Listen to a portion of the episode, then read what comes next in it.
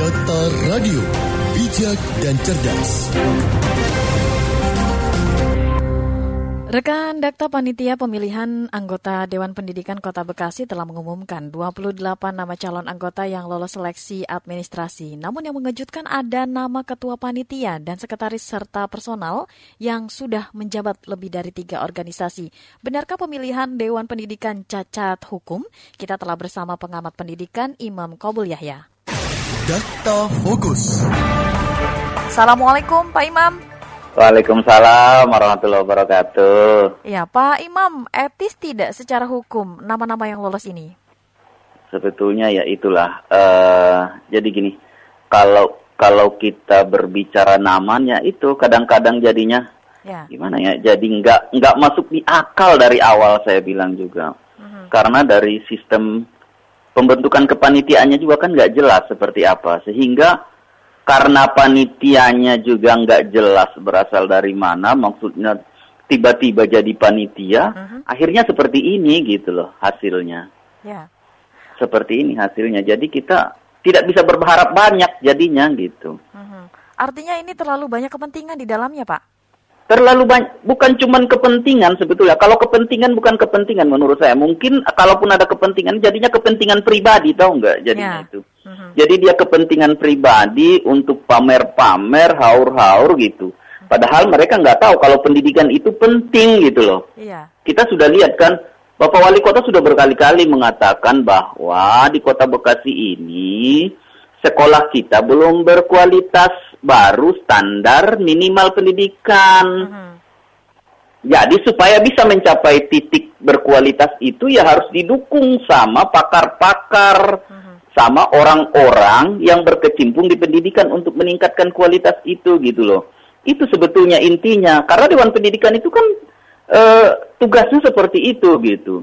Hanya saja dari gimana? Ya, dari pembentukan panitianya aja kita sudah tidak ngerti bagaimana bisa mereka panitia terus kok ketua panitia, sekretaris panitia kok bisa lolos seleksi gitu loh. Yeah. Apa dia nggak bercermin dari rumah kan gitu? Yang meloloskan dia siapa kan gitu? Uh-huh. Ya Pak Imam, uh, apa yang ingin dipamerkan? Apakah karena jabatannya saja atau menurut Pak Imam ada hal lainnya? Uh, mungkin, mungkin saja gitu secara pribadi kan sekarang ini kan memang hampir semua kegiatan di pemerintahan itu melibatkan unsur masyarakat, ya. uh, unsur peduli lah yang masyarakat-masyarakat peduli, LSM, wartawan, media, hmm. segala macam gitu kan, sama lembaga-lembaga lainnya seperti itu.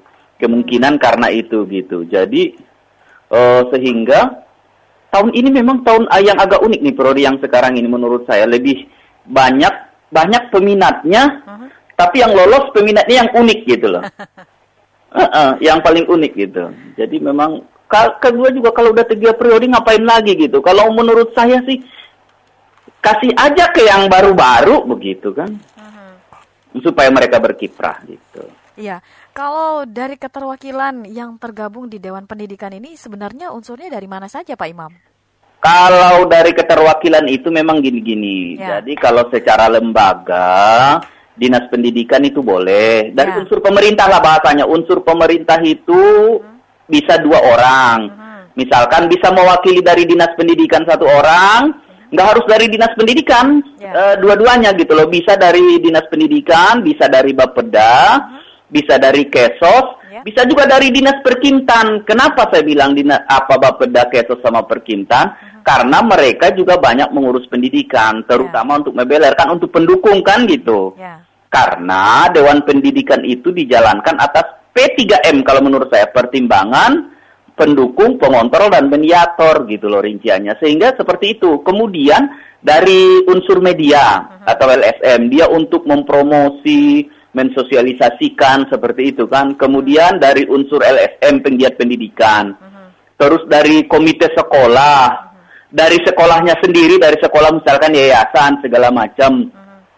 Terus dari perguruan tinggi, seperti itu sebetulnya perwakilannya gitu. Ada unsur dari para guru dan juga orang tua murid misalnya yang bisa bergabung di Dewan Pendidikan ini, Pak Imam? Boleh, boleh. Uh, orang tua murid biasa dia mewakili misalkan dari komite sekolah. Ya dari penggiat pendidikan, hmm. gitu seperti itu, dari LSM pendidikan, gitu, boleh.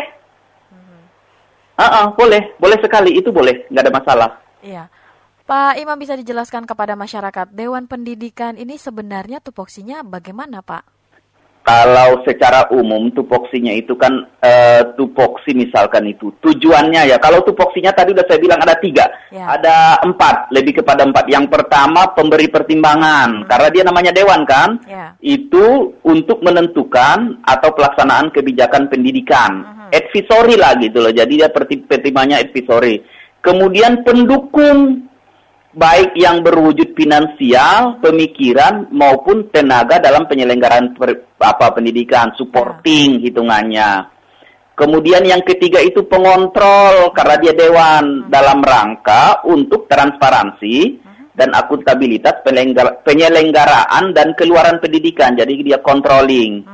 Nah, yang keempat yang terakhir itu mediator. Mediator itu antara pemerintah eksekutif dengan Dewan Perwakilan Rakyat di legislatif dan masyarakat. Jadi dia mediator di ketiganya itu supaya pendidikan di Kota Bekasi itu uh, bisa mencapai maksimal gitu loh. Hmm. Misalkan kan gini, banyak kita pendidikan di Kota Bekasi itu uh, misalkan sekolahnya rusak. Yeah.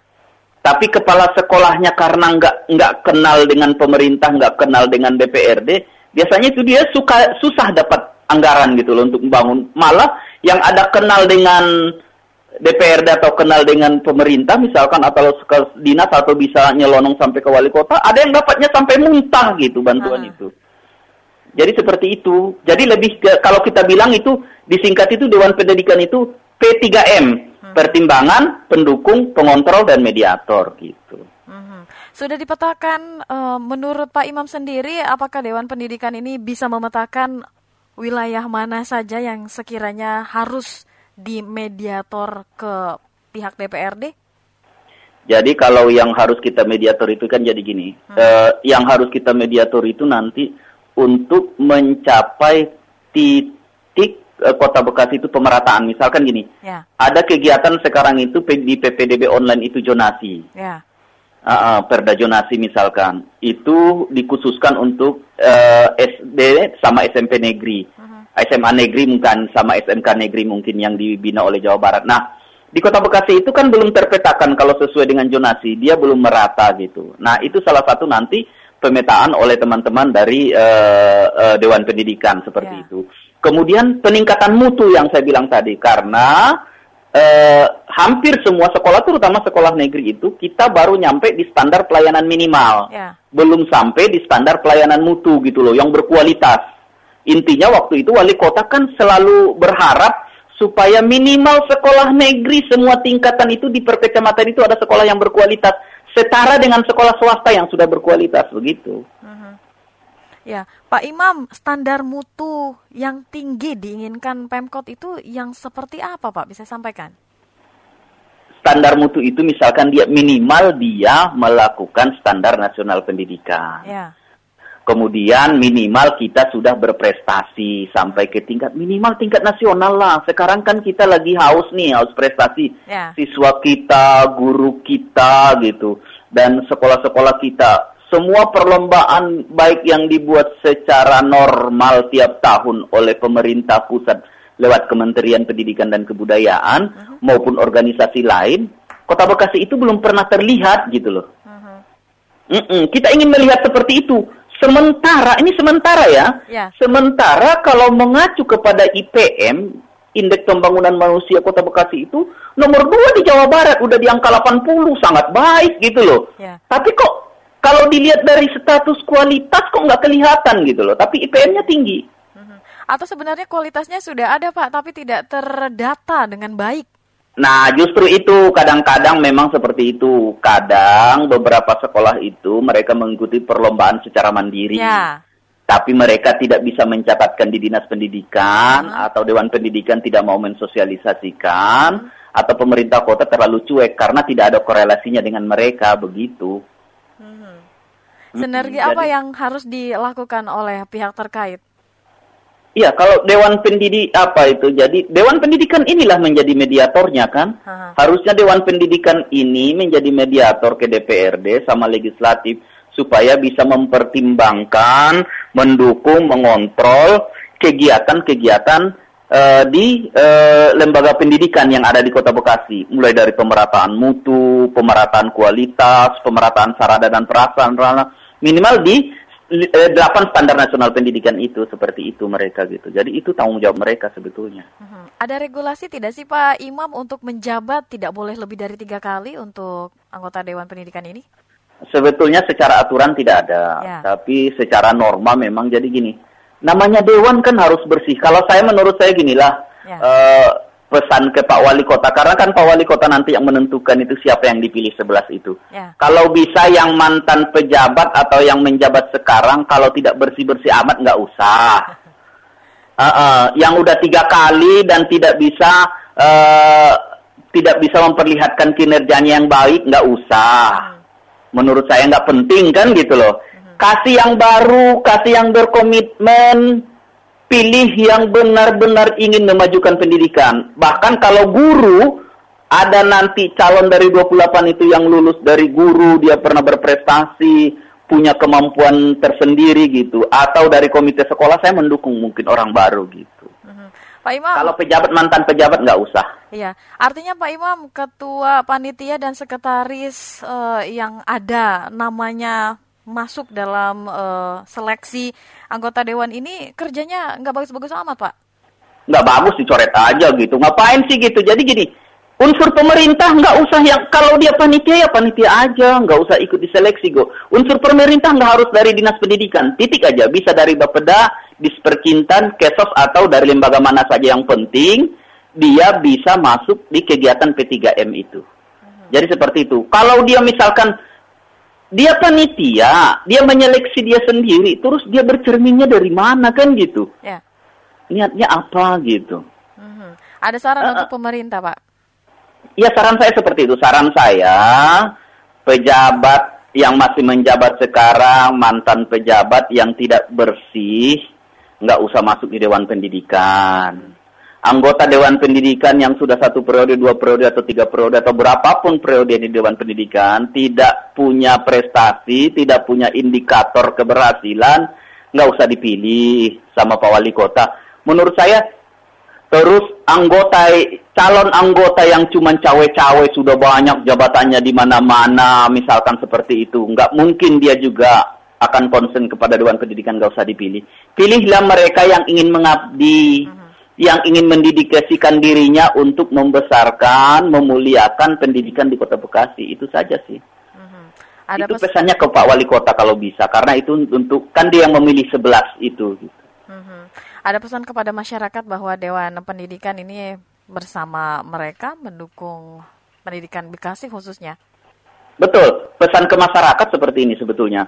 Masyarakat yang boyok uh, juga harus memberikan support dengan memberikan data, uh, ikut bersosialisasi, mendatangi Dewan Pendidikan untuk kita ikut bermusyawarah, ikut mendiskusikan dan ikut mengembangkan uh, pendidikan dan pengembangan di Kota Bekasi. Karena gini-gini juga kadang-kadang jadi masyarakat yang sudah memiliki kualitas pendidikan tinggi itu kadang-kadang juga alergi dengan dewan pendidikannya, alergi dengan pemerintah kotanya gitu.